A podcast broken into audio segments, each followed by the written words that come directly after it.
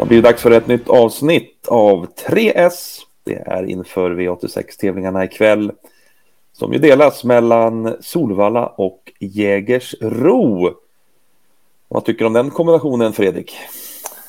Jo men det är bra. Jag gillar eh, Solvalla gillar jag alltid. Jag gillar Jägersro också. Jag gillar att hitta spetsvinnare på Jägersro. Det är fint, fint att spika någon sån.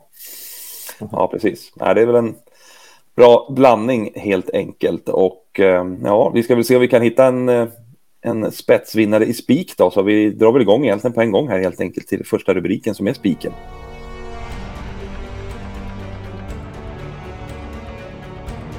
Ja, precis som du sa där i inledningen så ska vi väl till Jägersro för att hitta spiken va? Ja, men jag tänker redan i V861 här, um, nummer ett, Laradja Vrajtaut som um, hade samma läge senast på V86 så var ju gigantisk favorit här. Kanske ännu större än vad han kommer bli ikväll. Över 70 procent där och stod i 1,10 eller 1,20. Galopperade då, men det var lite fördröjd start och lite strul och så som gjorde att han galopperade. Eh, spår 1 är normalt sett perfekt för Laradja och Vrajtaut och normalt sett är det spets och slut. Även om han faktiskt eh, anmält skor runt om här nu, Konrad, så jag tror inte att det har avgörande betydelse i det här loppet faktiskt. Jag tror att han vinner, eller att han leder runt om, även med skor. Mm, och eh, ja, som du sa där, eh, galopp sist där. Men eh, före det så var det ju faktiskt spår 1 och hästen höll ju ledningen då. Ja, det är ju en travmaskin där. Så normalt sett galopperar han ju aldrig. Så det var ju uppenbart att det var något knas senast där. Så det, det, tar vi, så, så många travtränare säger, som ett, som ett olycksfall i arbetet. Så, så är det. Så att, eh, ja, men det är väl en eh, vettig uppgift för den här spår 1 och 1600 meter. Så att, eh, ja, vi inleder väl helt enkelt V86-omgången V86 med spik på mm. nummer 1, Laradja Vreithout. Så har vi dragit av spiken direkt och går och letar skrällopp istället.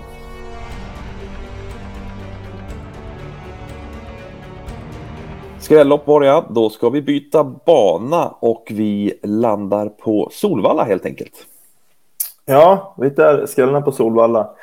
V868 som är ett storlopp och det är en spårtrappa med 15 hästar eller 14 hästar, det är inte riktigt fullt tyvärr. Men eh, 14 hästar är bra det också. Eh, ett skrällopp är det kanske framför allt för att för alla favoriter har ju dåliga spår. Vi har, de enda som är betrodda har ju spår 11, 12, 13, 14.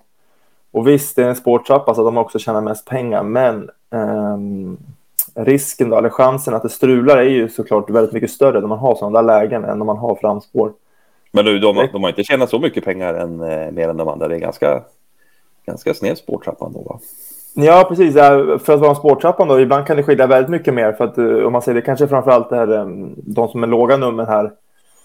Nummer ett till exempel, Clotted Cream, har minst pengar i loppet, har tjänat 120 000. Det här loppet är ju faktiskt från 40 000. Så att, eh, det var ingen som hade 40, mellan 40 och 120 000 som anmälde. Så därför är det ju väldigt jämnt mellan till exempel 1 och framförallt 11 kanske, som man tjänar 180 000. I, I princip ingen skillnad.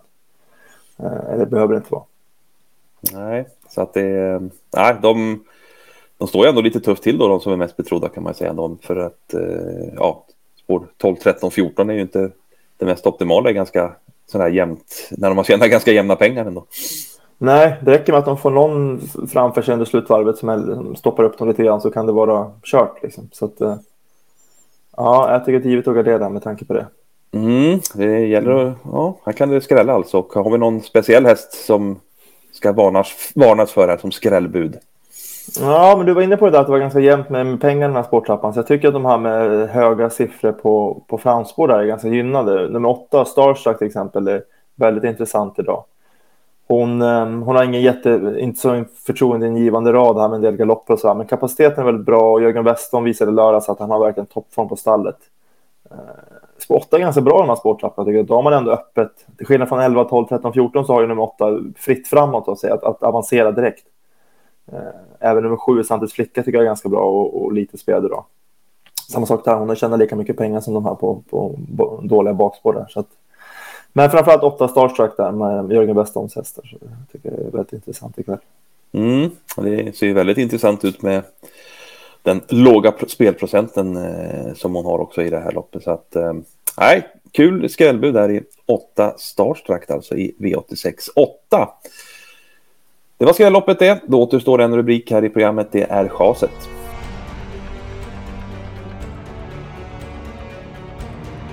Ja, då har vi varit på Jägersro i Spiken, skrälloppet var Solvalla och ja, nu ska vi hitta chaset och då går vi tillbaka till Jägersro igen. Mm, vi börjar med en spik där som skulle leda runt om på Jägersro. Nu ska chasen som kanske kan sitta i ledning. Men eh, nummer ett, I'm All In här i V865. Eh, Adrian Corginis eh, stod stoda. Jag tycker att hon är ganska... Normalt sett är hon väldigt stabil och nyttig och gör det bra och sådär. Men ingen som jag tycker ska vara hårt betrodd. Eh, jag tror, tror inte att det är en häst som liksom bara går ut och gör jobbet själv och vinner. Framförallt inte sådana här lopp när möter väldigt tuffa hästar. De har på tillägg till exempel står ju väldigt bra till här. Det är bara tre hästar på start och då på tillägg har tjänat tre gånger så mycket pengar och kommer ju vara i kapp direkt. Eh, så att jag tror att nummer ett, I'm All In i V865 är eh, illa ute. Mm. Ja, det är lite hårt, väl hårt betrodd i, i våra ögon alltså. Vad vill du lyfta fram här då? Ja, men om man kollar på en sån som till exempel Nannys Girl på, på tillägg där, som har på ett på tillägg dessutom, var ute i storeliten senast och har haft en häftig utveckling under året, gjort bra lopp hela tiden.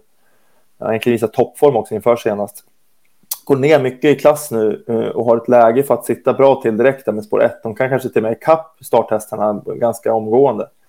Eh, och jämför man med hästarna de mötte senast så är de här på start tre gånger, eller tre klasser sämre. Så att uh, nummer fyra, Nanny Girl, tycker jag är väldigt intressant idag. Jag tror att det här läget passar henne perfekt.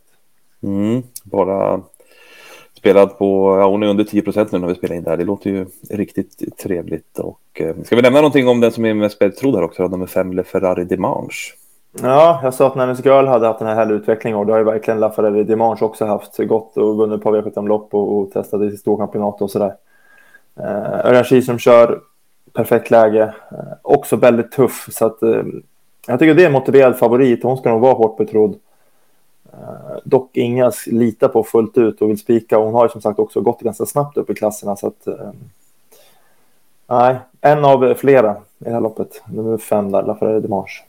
Mm, en av flera, men ja, främst så varnar vi för nummer fyra, Nannys Girl här alltså i V86 5. Då har vi gått igenom rubrikerna och vi kan väl sammanfatta dem så här då med spiken i V86.1 i form av nummer 1 Laradja Vreitaut. Sen hade vi skrällopp i V86.8. Det är eh, främst nummer 8 Starstruck som vi lyfter fram som den roliga skrällen då, då i det loppet. Och så kasar vi i V86.5 nummer 1 I'm All In där 4 Nannys Girl är spelvärd i loppet.